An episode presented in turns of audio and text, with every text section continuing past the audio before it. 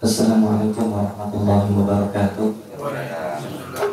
Alhamdulillah. Alhamdulillahirabbil alamin. Alhamdulillahilladzi anzala al-Qur'an wa faddalana ala sa'iri khalqihi bi ta'limil ilmi wal bayan. Allahumma salli wa sallim wa barik ala sayyidil anam sayyidina Muhammadin sallallahu alaihi wasallam. Wa ba'd. Kaum muslimin dan muslimat yang dimuliakan Allah, para pemirsa, para pendengar sahabat LMD 918 AM di mana pun Anda berada kita bersyukur kepada Allah pada hari ini diberikan kembali nafas baru, kehidupan baru oleh Allah Subhanahu wa taala. Mudah-mudahan dengan dibukanya hari ini dengan kebaikan yang Allah mudahkan merupakan pertanda keistiqomahan yang Allah berikan kepada kita dan halaqah tadabbur kita kembali akan dilanjutkan. Kali ini kita sampai kepada halaqah yang ke-57. Mudah-mudahan ini juga merupakan amal yang nantinya menjadi pemberat bagi timbangan amal baik kita di hari kiamat Allahumma Bismillah ta'ala kita akan menadaburi ayat 53 dari surat Ali Imran nanti insya Allah sampai ayat 61 sebagai review dari yang sebelumnya kita bahas adalah bahwa di ayat-ayat sebelumnya Nabi Isa menegaskan sebagai utusan Allah dengan berbagai tanda-tanda kekuasaan Allah yang diberikan kepadanya. Kemudian ketika Nabi Isa merasakan mulai adanya resistensi yang bukan hanya sekedar ditolak tetapi ada makar yang membahayakan bukan hanya Nabi Isa tapi dakwah kelanjutan dakwah Nabi Isa maka Nabi Isa kemudian bertanya dan mungkin pada waktu itu membaiat mereka siapa sesungguhnya yang siap berkorban untuk kelanjutan estafet dakwah ini yang itu dikenal dalam bahasa Al-Quran dengan hawari mereka kemudian menjawab bahwa kamilah adalah hawari atau penolong-penolong kelanjutan dakwah ini. Maka di ayat ini sebagai kelanjutan ikrar mereka mereka berdoa. A'udzu billahi minasyaitonir rajim.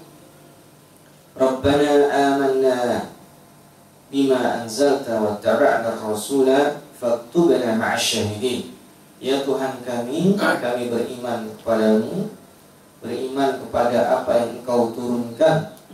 Kemudian beriman kepada utusanmu yang kau kirim kepada kami. Faktubna ma'asyahidin ada tiga ikrar yang disampaikan kepada para hawari. Yang pertama adalah mereka mentajdid memperbarui komitmen keimanan mereka kepada Allah. Dengan mengatakan Rabbana amanna. Semestinya kalau orang berdoa itu sudah menjadi suatu kepastian. Tetapi ini perlu karena Rabbana amanna itu menegaskan bahwa keimanan kita tidak pernah goyah. Seseorang seharusnya dalam kondisi susah, dalam kondisi muda, dalam kondisi senang, dalam kondisi sulit. Rabbana amanna atau di ayat lain Rabbana innana amanna itu sama saja. Jadi sebagai konsekuensi keimanan kita itu bahwa kita tidak pernah ragu terhadap kebenaran yang Allah kirimkan kecuali manusia. Ada kalanya kita menghormati seseorang karena dia benar. Tapi begitu dia melakukan kesalahan, kita akan berkurang kecintaannya, kepercayaannya. Tetapi kepada Allah tidak. Dan Allah ini sesuatu yang dalam tanda kutip abstrak tidak bisa kita bendakan dan memang bukan materi. Maka sangat-sangat berpotensi untuk naik turun keimanan kita kepada Allah. Maka dengan ada penegasan Rabbana amanna itu artinya adalah bahwa kami ya Allah apa yang terjadi saat ini yang sudah terjadi di waktu-waktu sebelum ini dan yang akan terjadi itu tidak mengubah konsistensi keimanan kami kepada ini konsistensi yang e, pertama. Kemudian ikrar mereka yang kedua. Wattaba'na rasulah bahwa mengikuti utusan Allah Subhanahu wa taala itu juga dalam kondisi filman syati wal makar dalam kondisi senang dan susah Sementara orang-orang yang cenderung mengikuti tren biasanya jarang sekali mengikuti dalam kondisi susah. Seseorang mau kita ajak rekreasi, apalagi digratiskan, itu sudah pasti banyak. Bayar aja banyak ya. Tapi seseorang diajak berjihad berperang yang itu taruhannya nyawa, ada nggak? Ya, jarang sekali terjadi. Seseorang yang dia sudah nyaman kehidupannya seperti ini, kemudian disuruh melakukan menanggalkan kenyamanannya dari kondisi status quo-nya, itu sangat sulit. Maka dan Rasulullah itu adalah ikrar kedua bahwa bukti konsistensi keimanan kepada Allah adalah mengikuti Rasulnya filman syatu wal Dan ini Nabi Isa alaihissalam sampai pada titik yang membahayakan karena yang diancam itu sudah diancam bunuh bukan hanya dikucilkan. Nah yang menarik adalah yang ikrar ketiga.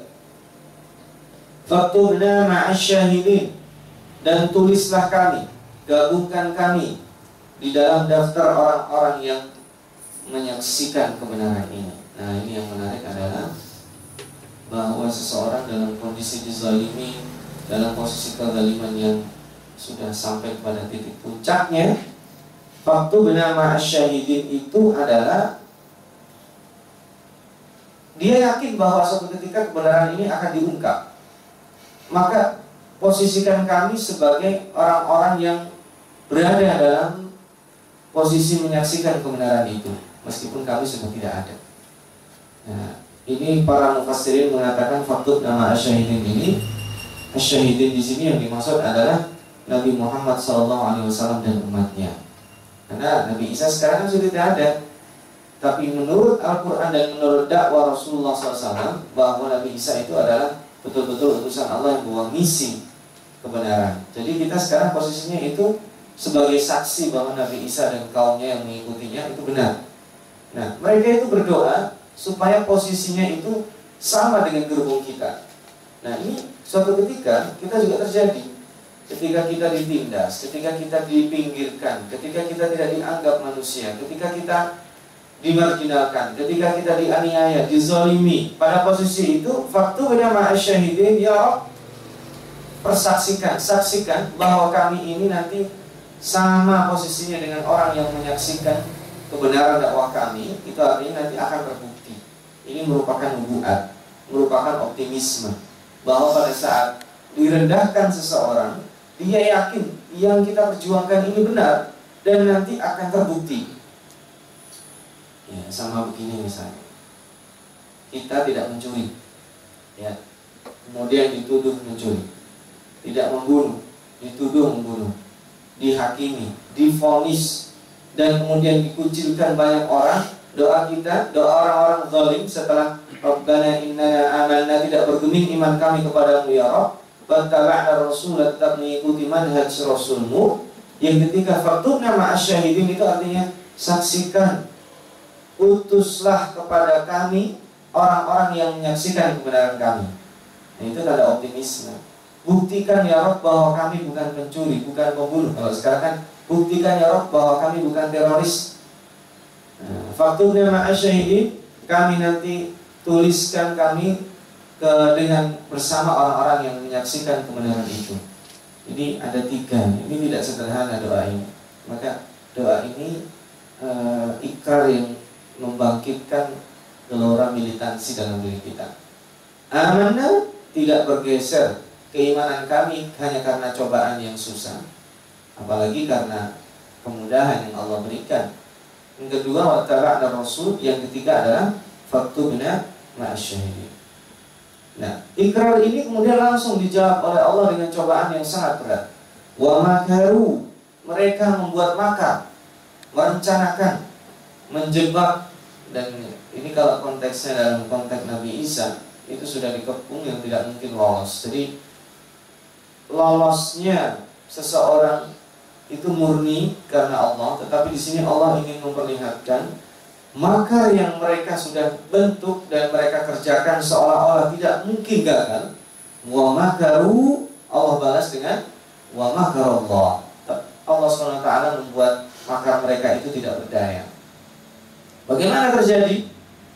Wallahu khairul makirin. Ini dijelaskan uh, di ayat lain. Wa ma qataluhu wa ma salabuhu walakin syubbiha bahwa mereka itu tidak pernah membunuh Nabi Isa, tidak pernah mensalib Nabi Isa. Di sini letak uh, titik perbedaan kita dengan agama Nasrani bahwa menurut agama Nasrani Nabi Isa itu disalib dan dibunuh dan disalib. Sementara kita tidak. Nah, apa yang terjadi? Wamakaru mereka sudah membuat makar dan makar yang terburuk adalah pengkhianatan. Jadi Nabi Isa itu diketahui tempatnya dan dalam tanda kutip berhasil disergap itu karena pengkhianatan.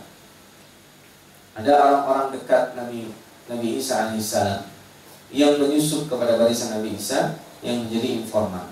Itu pasti selalu ada. Maka kita berdoa mudah-mudahan tidak menjadi orang itu.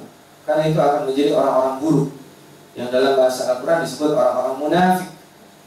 Jadi kalau orang yang putih hitam jelas, orang yang abu-abu itu yang bahaya. Orang mukmin, orang kafir itu jelas, orang munafik yang paling bahaya. Karena di sini di dalam barisan Nabi Isa itu nantinya kalau di ya meskipun kita tidak membahas ayat itu, tapi di sini Allah mengatakan wallahu khairul makirin dijelaskan bahwa nanti orang-orang itu ternyata membunuh, mensalib, tapi yang disalib bukan Nabi Isa, walakin syubbihalahum. Syubbihalahum itu di, di ayat yang menjelaskan proses pembunuhan dan pensaliban Nabi Isa itu penafsirannya banyak rupanya. Syubbihalahum itu di antara yang sering dipakai adalah pengkhianat tersebut mukanya diubah mirip Nabi Isa alaihissalam. Tetapi penafsiran yang lain memungkinkan bahwa syubbihalahu itu ternyata orang yang memberi order untuk membunuh Nabi Musa itu berbeda dengan pelaksana lapangan. Sehingga orang yang mengejar Nabi Musa itu tidak tahu siapa sesungguhnya Nabi Musa yang mana. Nabi Isa. Nabi Isa yang mana? Nabi Isa itu yang mana? Sehingga mereka salah tangkap. Nah, tetapi di luar dari konteks itu, Allah SWT memiliki cara lain. Nah, itu yang kita bahas di sini. Kalau Allah ketika Allah berfirman berkata kepada Nabi Isa, "Ya Isa, inni mutawaffika wa rafi'uka ilayya wa mutahhiruka minal ladzina kafaru ladzina ittaba'uka fawqa alladzina kafaru ila yaumil qiyamah thumma ilayya marji'ukum fa ahkumu bainakum fima kuntum fihi takhtalifun." Di sini yang konteksnya berhubungan dengan Nabi Isa alaihissalam itu ada tiga. Sedangkan yang berhubungan dengan pengikutnya di sini ditegaskan terakhir ada dua. Nah, kaum muslimin dan muslimat yang dirahmati Allah, para pendengar sahabat El Nuri 918 AM, Allah SWT menegaskan Isa ini mutawaffika. Di sini para pakar bahasa memberikan penafsiran lebih dari lima Al-Fakir mengambil dua saja bahwa makna ini mutawafika yang masyhur adalah kami menjadikanmu mirip orang-orang yang mati. Nah, orang-orang yang mati itu miripnya apa? Itu juga susah. Yang pertama, kemiripan orang-orang yang mati itu tidak ada. Tidak ada fisiknya dan tidak disebut namanya. Tidak kelihatan Jelobroknya itu nggak kelihatan. Jadi kalau ini mutawafika, biasa kita tinggal di sini, itu sudah nggak ada. Tetapi di sini menjadi khilaf adalah ini mutawafika itu apakah roh Nabi Musa diambil atau tidak? Itu yang menjadi khilaf. Nah, jawaban itu diperkuat dengan kata-kata berikutnya. Warafi'uka ilayya dan aku mengangkatmu bahasa warofimuka ilayya itulah yang membuat para pakar bahasa kuat menyimpulkan mutawafika di sini bukan satu seperti orang-orang yang wafat biasanya. Jadi kemudian penafsiran kedua menjadikan Nabi Musa itu tidur, tertidur. Tetapi ini juga di counter karena buktinya pada saat Isra dan Mi'raj, Nabi Muhammad Shallallahu Alaihi Wasallam itu bertemu dengan Nabi Isa. Nah, berarti bukan tidur Nabi Isa. Jadi penafsiran yang kemudian yang kedua ini tidak serta merta berdiri sendiri, maka ini di antara para ulama ada yang mengatakan wallahu a'lam bihaqiqatil wafa. Sesungguhnya Allah SWT sendiri yang tahu apa maksud dari mutawafika. Mutawafika wa rafi'uka ilayya di sini adalah hakikatnya kepada Allah. Kalau kepada manusia hukumnya dianggap tidak ada. Nah, Warafiuka itu adalah araful hakiki. Nabi Musa betul-betul fisiknya, rohnya diangkat ke langit. Itu madhab yang dipakai jumhur. Jadi Nabi Isa mutawafika itu pada saat proses diangkatnya itu Nabi Isa tidak dalam keadaan sadar. Berbeda dengan Nabi Muhammad Sallallahu Alaihi Wasallam. Nabi Muhammad Sallallahu Alaihi Wasallam ketika Mi'raj dari Masjidil Aqsa ke Sidratil Muntaha atau sebelumnya dari Masjidil Haram ke Masjidil Aqsa itu jumhur ulama mengatakan dalam kondisi sadar 100% fisik dan rohnya. Nah, jadi Nabi Muhammad SAW tidak dikatakan mutawafika. Tetapi Nabi Isa alaihissalam ini mutawafika. Jadi proses diangkatnya ke langit Nabi Isa tidak sadar. Ini kesimpulan para pakar bahasa. Jadi mutawafika itu prosesnya hanya di waktu itu. Setelah itu Nabi Musa hidup dalam kondisi seperti yang lainnya. Ini dibuktikan perjumpaan Nabi Muhammad SAW dengan beliau ketika Mi'raj di langit. Nah, ini menandakan bahwa Nabi Isa alaihissalam pada proses dinaikkan ke langit itu tidak sadar dan dalam kondisi Eh, tidak tahu. Warafiuka ilayya di sini maknanya dua, secara fisik diangkat ke langit. Warafiuka ilayya secara non fisik itu maksudnya adalah warafiuka ila karamati. Beliau diangkat posisinya. Beliau dinaikkan derajatnya. Beliau diangkat segala sesuatu yang berkaitan dengan Nabi Isa akan diangkat oleh Allah SWT posisinya di dunia. Nah, yang ketiga, ini wa mutahhiruka minal ladina kafaru Nabi Musa itu dibersihkan, disucikan, tidak bisa disentuh. Karena prakteknya Nabi Isa itu tidak tidak bisa disakiti fisiknya. Ya orang sudah nggak ada. Maka tiga ini berkaitan mutawafika halatul rafi. Jadi beliau diwafatkan ketika dinaikkan dalam kondisi tertidur seperti apa itu kita tidak tahu, tidak ada yang, yang menjelaskan kondisinya. Al-Quran juga tidak menjelaskan apakah diangkat dalam kondisi tertidur seperti ini kemudian ada sinar itu kan bisa-bisa kita memvisualisasikan tapi tidak ada keterangan di akad kelaminnya seperti apa tapi mereka tidak bisa menyentuh Nabi Musa Nabi Isa alaihissalam nah ini tiga hal yang berkaitan dengan Nabi Isa. Yang menarik adalah dua yang berkaitan dengan pengikutnya. Waja'ilul ladzina tabauka fawqa alladzina kafaru ila yaumil qiyamah thumma ilayya marji'ukum fa ahkumu bainakum fima kuntum fihi tahtalifun.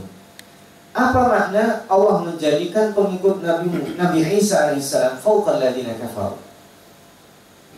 Di sini al-fauqiyah fauqiyahnya apakah dalam konteks semua kehidupan dunia karena di sini yang disebut Allah ila yaumil qiyamah berarti di dunia kan jadi yang dijadikan fauqal ladina kafaru itu bukan yaumal akhirah atau yaumal qiyamah tapi ila yaumil kiamat. Berarti sejak saat itu itu Nabi Isa alaihissalam pengikutnya akan diangkat melebihi orang-orang yang kafir. Ini merupakan nubuat. Tapi makna ila yaumil kiamat di situ akan terjadi iskaliat, akan jadi masalah. Karena pada prakteknya nanti pengikut Nabi Nabi Isa alaihissalam itu menyeleweng sebagian besarnya. Kalau yang disebut fauqal ladzina kafaru ila yaumil qiyamah dalam artian fisiknya mereka berprestasi di dunia itu bisa jadi kontradiktif. Karena yang disebut pengikut Nabi Isa itu identiknya adalah kaum Nasrani. Alladzina kafaru identiknya adalah Bani Israel yang orang-orang Yahudi. Jadi Yahudi dan Nasrani. Nah, kalau identiknya Yahudi dan Nasrani saat ini kalau kita katakan misalnya, Fauqaladina kafaru konteks mereka, bisa nggak kita katakan orang-orang Nasrani itu lebih baik daripada orang Yahudi? Dalam prestasi keduniaan, karena hilang yang miliki Susah kan menilainya ya? kecuali kita menilainya dalam bentuk kuantitas. Jadi pengikut Nabi Isa itu lebih banyak dari orang-orang yang memusuhinya. Nah, itu selesai tetapi akan ada masalah ialah ilah yang qiyamah di situ. Kecuali lagi kalau maksudnya wajah ladina tabauka itu kita hubungkan dengan ayat 53 faktub nama syahidin. Yang dimaksud pengikutmu adalah pengikut juga nabi yang diutus setelahmu.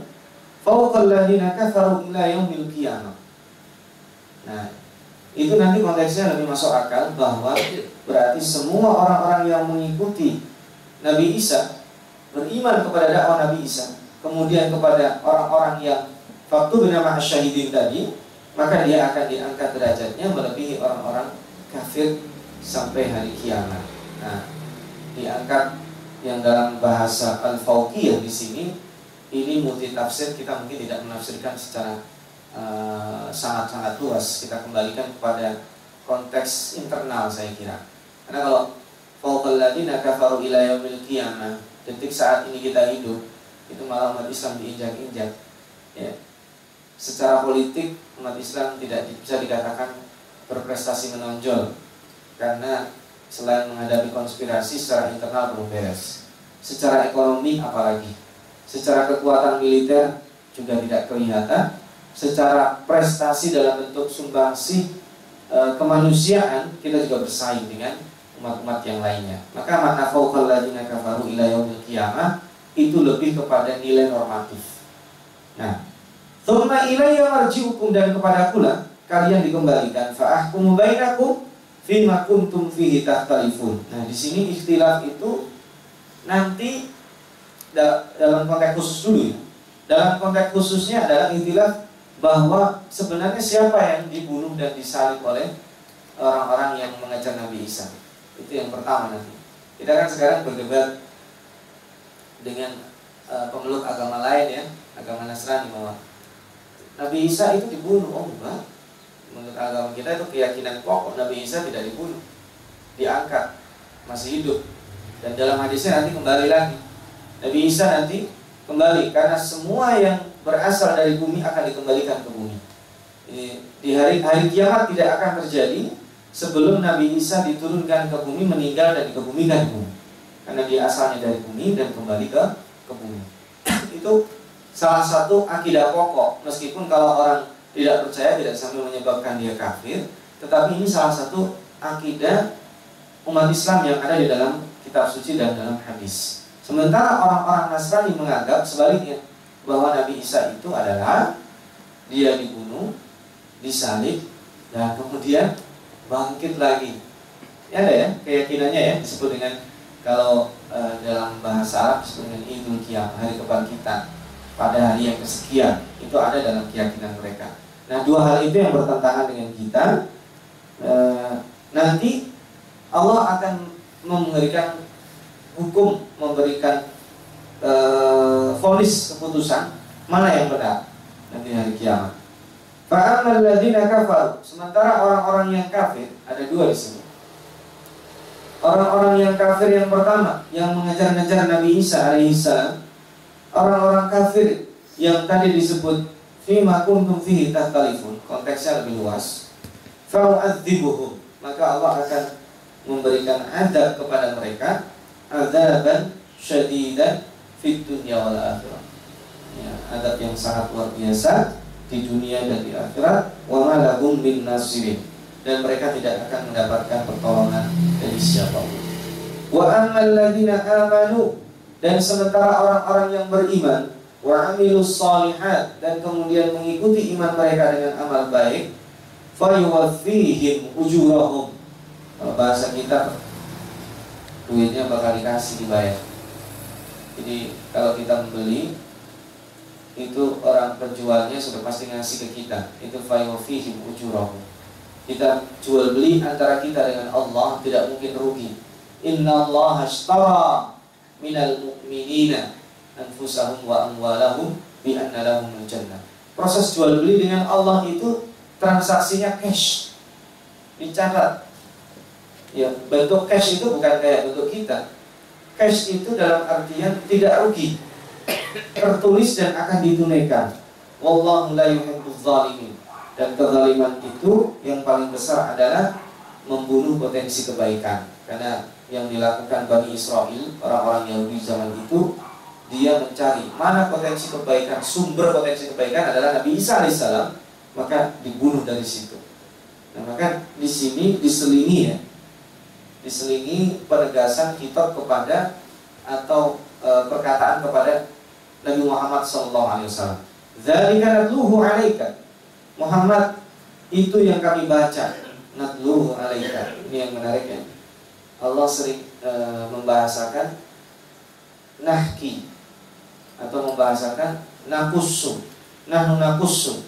Tapi di sini adalah dari natluhu dibaca. Membaca itu kan berarti e, membacakan kan sudah jadi ceritanya itu sudah tidak mungkin salah. Natluhu alaika minal ayati dari tanda-tanda kekuasaan Allah wa hakim. Yang tadi disebut itu adalah salah satu tanda kekuasaan Allah yaitu dengan mengangkat Nabi Isa alaihissalam. Nah, lalu yang berikutnya apa yang dilakukan Allah kepada Nabi Isa dan menolong agamanya sampai kemudian Nabi Isa agama yang Nabi Isa yang faktu bernama asyahidi doa itu terlaksana itu kan nanti terjadi pada pada masa Ashabul Kahfi ketika masa Ashabul Kahfi pengikut Nabi Isa dikejar-kejar dihabisi tetapi mereka nanti 300 tahun berikutnya dibangkitkan terbalik di saat itu agama Allah menjadi agama yang e, banyak dipeluk oleh masyarakat e, pengikut Nabi Musa pengikut Nabi Isa alaihissalam agama tauhid itu menjadi agama resmi negara Nah, ini juga sama dalam proses periode periodisasi agama kita, pengikut agama kita itu sama. Dalam posisi tertentu ditindas di Mekah. Dalam posisi tertentu ketika beliau wafat, idza jaa nasrullahi wal fath itu tidak terkalahkan. Tapi nanti juga ditindas lagi itu tilkal ayyamu nudawiluha bainan nas. Jadi itu sunnah pergantian ya, kita tidak bisa menafikan itu. Nah, ini ayat ini menegaskan lagi kaum muslimin dan muslimat yang dimuliakan Allah Inna mathala Isa Indallahi kamathali Adam Ini di antara tanda-tanda kekuasaan berikutnya Yang menyebabkan Nabi Isa itu ada dua kutub ekstrim ya. Yang satu dibunuh, dikejar-kejar Yang satu nanti menuhankan Ini Islam memerangi ekstremisme Ekstrem kanan dan ekstrem kiri Jadi yang dimusuhi oleh Islam itu membunuh Nabi Isa tidak dibenarkan. Pengikutnya ditindas dan sebagainya tidak dibenarkan. Menuhankan Nabi Isa tidak dibenarkan. Berada di al-wasatiyah. Maka di sini ketika yang tadi sudah selesai, orang-orang yang menindas bahasan orang-orang yang membunuh, menyudutkan, e, memarjinalkan, membunuh potensi kebaikan Nabi Isa dan pengikutnya itu sudah selesai pembahasan. Sekarang membahas ekstrim satu lagi yaitu yang menganggap Nabi Isa adalah Tuhan. Jadi seterusnya dari di, dari sini nanti mulai membahas orang Nasrani yang datang setelah Nabi Isa. Apa kata Allah? Inna mathala Isa indallahi kamathali Adam. Sesungguhnya permisalan Nabi Isa itu seperti hanya Nabi Adam. Khalaqahu min turab, thumma qala lahu kun Nabi Adam itu diciptakan Allah dari turab, dari tidak ada menciptakan sesuatu dari tidak ada itu lebih sulit. Kalau sekarang manusia itu ibarat kita kan sudah dalam dunia internet, dalam dunia website itu template-nya sudah ada. Dalam dunia perkuaian cetakannya sudah ada. Dalam dunia apa saja itu sudah sampelnya sudah ada, gampang. Apalagi kalau Nabi Isa itu hanya sekedar tidak punya bapak tanpa sperma, nah, masih tetap perlu perempuan di sini kan ada ibunya. Nabi Adam itu lebih dahsyat dari itu. Jadi manusia itu diciptakan bentuknya ada empat sampel. Yang pertama manusia diciptakan tanpa siapa-siapa, nggak punya bapak, nggak punya ibu, itu Nabi Adam. Kemudian manusia diciptakan dari manusia, yaitu Hawa, istrinya Adam. Diciptakan dari mana? Bukan dari tanah, tapi dari tulang rusuk. Ya dari diambil dari bagian Nabi Adam alaihissalam. Yang ketiga, manusia diciptakan dari ibu saja. Jadi ada nanti contohnya manusia diciptakan tanpa laki-laki dan perempuan. Itu ada. Manusia diciptakan dari laki-laki. Siapa? Itu perempuan. Manusia diciptakan dari perempuan saja. Siapa? Nabi Isa. Dan manusia diciptakan siapa? Dari laki-laki dan perempuan. Siapa? Kebanyakan manusia kita semua. Jadi Allah dari segala yang difikirkan manusia itu sudah dilakukan Allah. Nah, kan kadang kita manusia diciptakan dari bapak dan ibunya. Bisa nggak manusia diciptakan tapi ibu saja? Ada? Siapa? Tidak bisa. Jadi orang mikir lagi kan? Bisa nggak kalau laki-laki saja? Tidak bisa. Siapa? Nabi ada. Lalu mikir lagi, bisa nggak? Gak ada laki-laki, nggak ada perempuan, ujuk-ujuk ada manusia? Ada siapa? Nabi Adam alaihissalam. Dan itu semuanya yang menciptakan satu. Siapa? Allah Subhanahu wa taala. Maka sebenarnya tidak ada yang mustahil di dunia ini kalau Allah menghendaki. Inna matala Isa indallahi kama Adam khalaqahu min turab. Itu ibtidaan karena yang diciptakan min turab itu hanya Adam saja, sementara kita tidak. Tsumma qala kun fayakun. Ini sudah kita jelaskan makna kun fayakun. Ada fa di situ, fa-nya fa proses. Al-haqqu min rabbika fala takunanna minal mumtarin. Kebenaran itu adalah datangnya dari Allah, maka engkau jangan pernah ragu. Fala takun minal mumtarin itu maksudnya jangan menjadi orang yang peragu membela kebenaran. Doanya apa tadi? Rabbana amanna. Tidak berkurang iman kami wattaba'na rasul kita mengikuti utusanmu dalam kondisi susah dan senang dan yang terakhir faktu bin ini itu adalah meminta doa supaya orang-orang itu nanti membuktikan bahwa kita berada dalam soft kebenaran. Nah, ayat yang terakhir yang kita tadaburi pada kesempatan kali ini berkaitan dengan Nasrani dari Bani Najran. Jadi ini kisah Nabi Isa yang ditindas sudah selesai. Sekarang jenis penindasan baru. Kalau tadi penindasan dalam artian fisik dan teror yang membuat seseorang itu terdolimi secara fisik dan psikis, sekarang ada jenis kezaliman lain, yaitu apa? yang sekarang sedang ramai kita bicarakan penistaan agama. Yang sekarang mau uh, menggunakan baju baru, mau dibahas undang-undang apa uh, perlindungan umat beragama, yang sebenarnya itu nanti kalau kita tidak hati-hati kontennya bukan perlindungan umat beragama, perlindungan aliran-aliran sesat akan menjadi itu. Nah ini konteksnya di sini adalah uh, mubahalah yang kita bahas. Ayatnya adalah Faman hajaka Faman hajaka Muhammad orang-orang yang mengajak mendebatmu fihi terhadap tadi yang sudah dikabarkan min ba'di ma ja'aka minal ilmi setelah datang kepadamu informasi yang valid mengenai itu mengenai Nabi Isa dan apa yang terjadi terhadapnya Fakul katakan kepada mereka Ta'ala Ayo Nad'u abna'ana wa abna'akum. Kita kumpulkan anak-anak kita. Anak-anak Anda bawa ke sini. Anak-anak kami akan bawa. Wa nisa'ana wa nisa'akum. Istri-istri kami, saya dan pengikut saya bawa kemari, Anda dan pengikut Anda bawa kemari. Wa anfusana wa anfusakum dan kita ada di sini. Ini inti permasalahannya. Thumma nabtahil dan kemudian kita bermubahalah Nabtahil itu uh, al-ibtihal itu al-mubahala tidak terjadi kecuali di antara dua orang. Kalau satu orang disebut melaknat sepihak. Nah, al-mubahala di sini itu ditantang dua-duanya bermubahala. Dan di dalam agama kita itu yang berkaitan dengan akidah seperti ini, keyakinan, baik yang berkaitan seperti ini atau berkaitan dengan hukum pidana itu sudah ada. Contohnya dalam surat An-Nur seperti al-mubahala ini terjadi adalah li'an. Pernah dengar ya, ayat li'an itu terjadi ketika seorang suami menuduh istrinya berzina, dia tidak mempunyai saksi. Saksi orang berzina kan harus empat ya. Sementara e, perzinahan itu ada di rumah dia, tidak mungkin dia mencari saksi, itu membuka aibnya.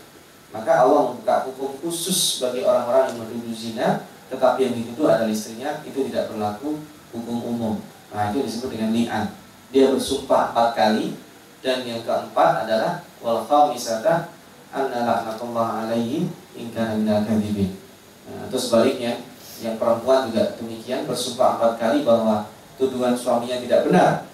Wa anna laknatullahi alaiha laknat Allah kepadanya jika suaminya itu benar-benar eh, tuduhannya terbukti benar nanti di hari kiamat. Nah itu kaitan dengan hukum pidana. Kalau yang ini berkaitannya adalah mubahalah yang berkaitan dengan eh, orang-orang uh, yang terlalu dalam ekstrim kanan tadi menjadikan Nabi Isa alaihissalam e, melebihi dari apa yang seharusnya. Nabi Muhammad SAW di sini ketika datang utusan Bani Najran mereka mendebat Nabi Muhammad sudah memberikan bukti dan tidak berhasil. Itu senjata terakhirnya apa? Mubahalah. Nah, nanti dalam konteks tertentu mubahalah itu sering diplesetkan nah, di dalam agama kita, eh, di dalam eh, konteks sosial kita sering itu mubahalah dengan sumpah pocong apa bedanya? Beda, gak ada hubungannya. Kalau mubahalah ini ada masyruiyahnya. Kalau kita berani, ayo kita mubahalah. Itu membuktikan bahwa Rabbana amanna wattaba'na rasul faktubna ma'asyahidin. Itu membuktikan kalau kita benar, diajak mubahalah itu berani. Ayo buktikan. Kalau seandainya ini pala aliran sesat, boleh nggak kita ajak mubahalah? Boleh saja yang tidak diperbolehkan itu kita menganggap mubahala itu kayak hal-hal yang sepele. Maksudnya tidak mencuri duit kan, ayo kalau ini kita mubahala itu konteksnya terlalu kecil untuk mubahala. Kalau misalkan pengikut-pengikut aliran sesat Ahmadiyah, Syiah, aliran-aliran sesat yang lainnya yang sudah uh, para ulama dunia membuat keputusan kemudian di, di era ini itu kita sudah mulai digonjang-ganjingkan itu bukan aliran sesat harus kita lindungi kebebasan beragama mereka. Bisa nggak kita adakan pembahasan? Ayo kalau.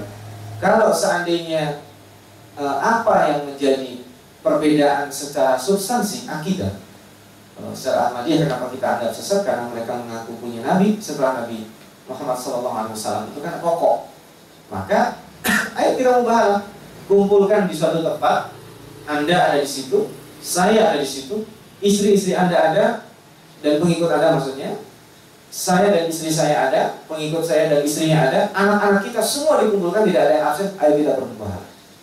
Nah konten mubahalah itulah yang tidak diatur di dalam Al-Quran, tetapi konten utamanya ada. Apa? Itu yang ayat terakhir. Fana ja'al la'natallahi 'alal kadhibin. Itu yang paling berat.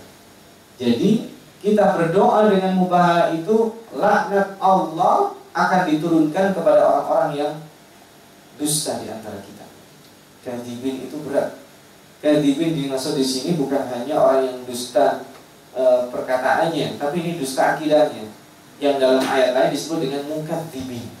Apa bedanya kadibin dan mukadzibin? Dusta dan mendustakan. Kalau sekedar saya tidak percaya kepada Anda, itu kadibin yang ringan. Tapi kalau nanti mukadzibin di dalam Al-Quran itu akan diulang berkali-kali. Wawailul lil mukadzibin itu ada di dalam surat-surat pendek dan ada di dalam eh, surat-surat uh, yang lainnya. Diulang-ulang dalam satu surat juga ada. Diulang dalam surat Al-Mursalat 10 kali. Fawailul lil mukadzibin itu adalah orang-orang yang bukan hanya dusta tetapi mendustakan. Bukan hanya tidak percaya tapi juga mengakibatkan peraniayanya orang-orang yang berakidah benar. Nah, kita tutup dalam kajian al-mubahalah ini bahwa mubahalah itu ada masyru'iyahnya tetapi ini adalah jalan terakhir. Jalan terakhir dalam artian ketika dalam berdebat, dalam pembuktian itu sudah tidak tidak bisa didamaikan. Ayo kalau berani kita bermubahalah.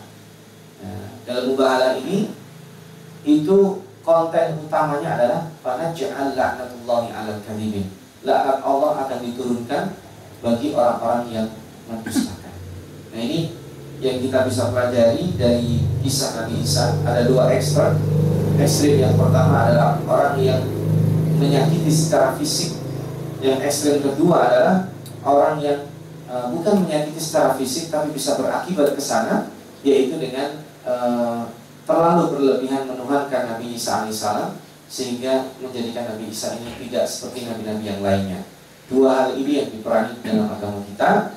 Nanti ini akan dilanjutkan dengan konsep toleransi uh, di ayat berikutnya apa hakikat Yahudi dan Nasrani, bagaimana Al-Quran menyebutnya, Bismillah ta'ala insya Allah kita bahas dalam pertemuan berikutnya. Uh, para hadirin sekalian, uh, halakoh ke-57 kita sudah kita alami bersama. Kita akhiri kebersamaan kita, kaum muslimin dan muslimat, para pemirsa, pendengar sahabat El Nuri 918 AM. Mudah-mudahan bermanfaat. Wallahu a'lam. Wassalamualaikum warahmatullahi wabarakatuh.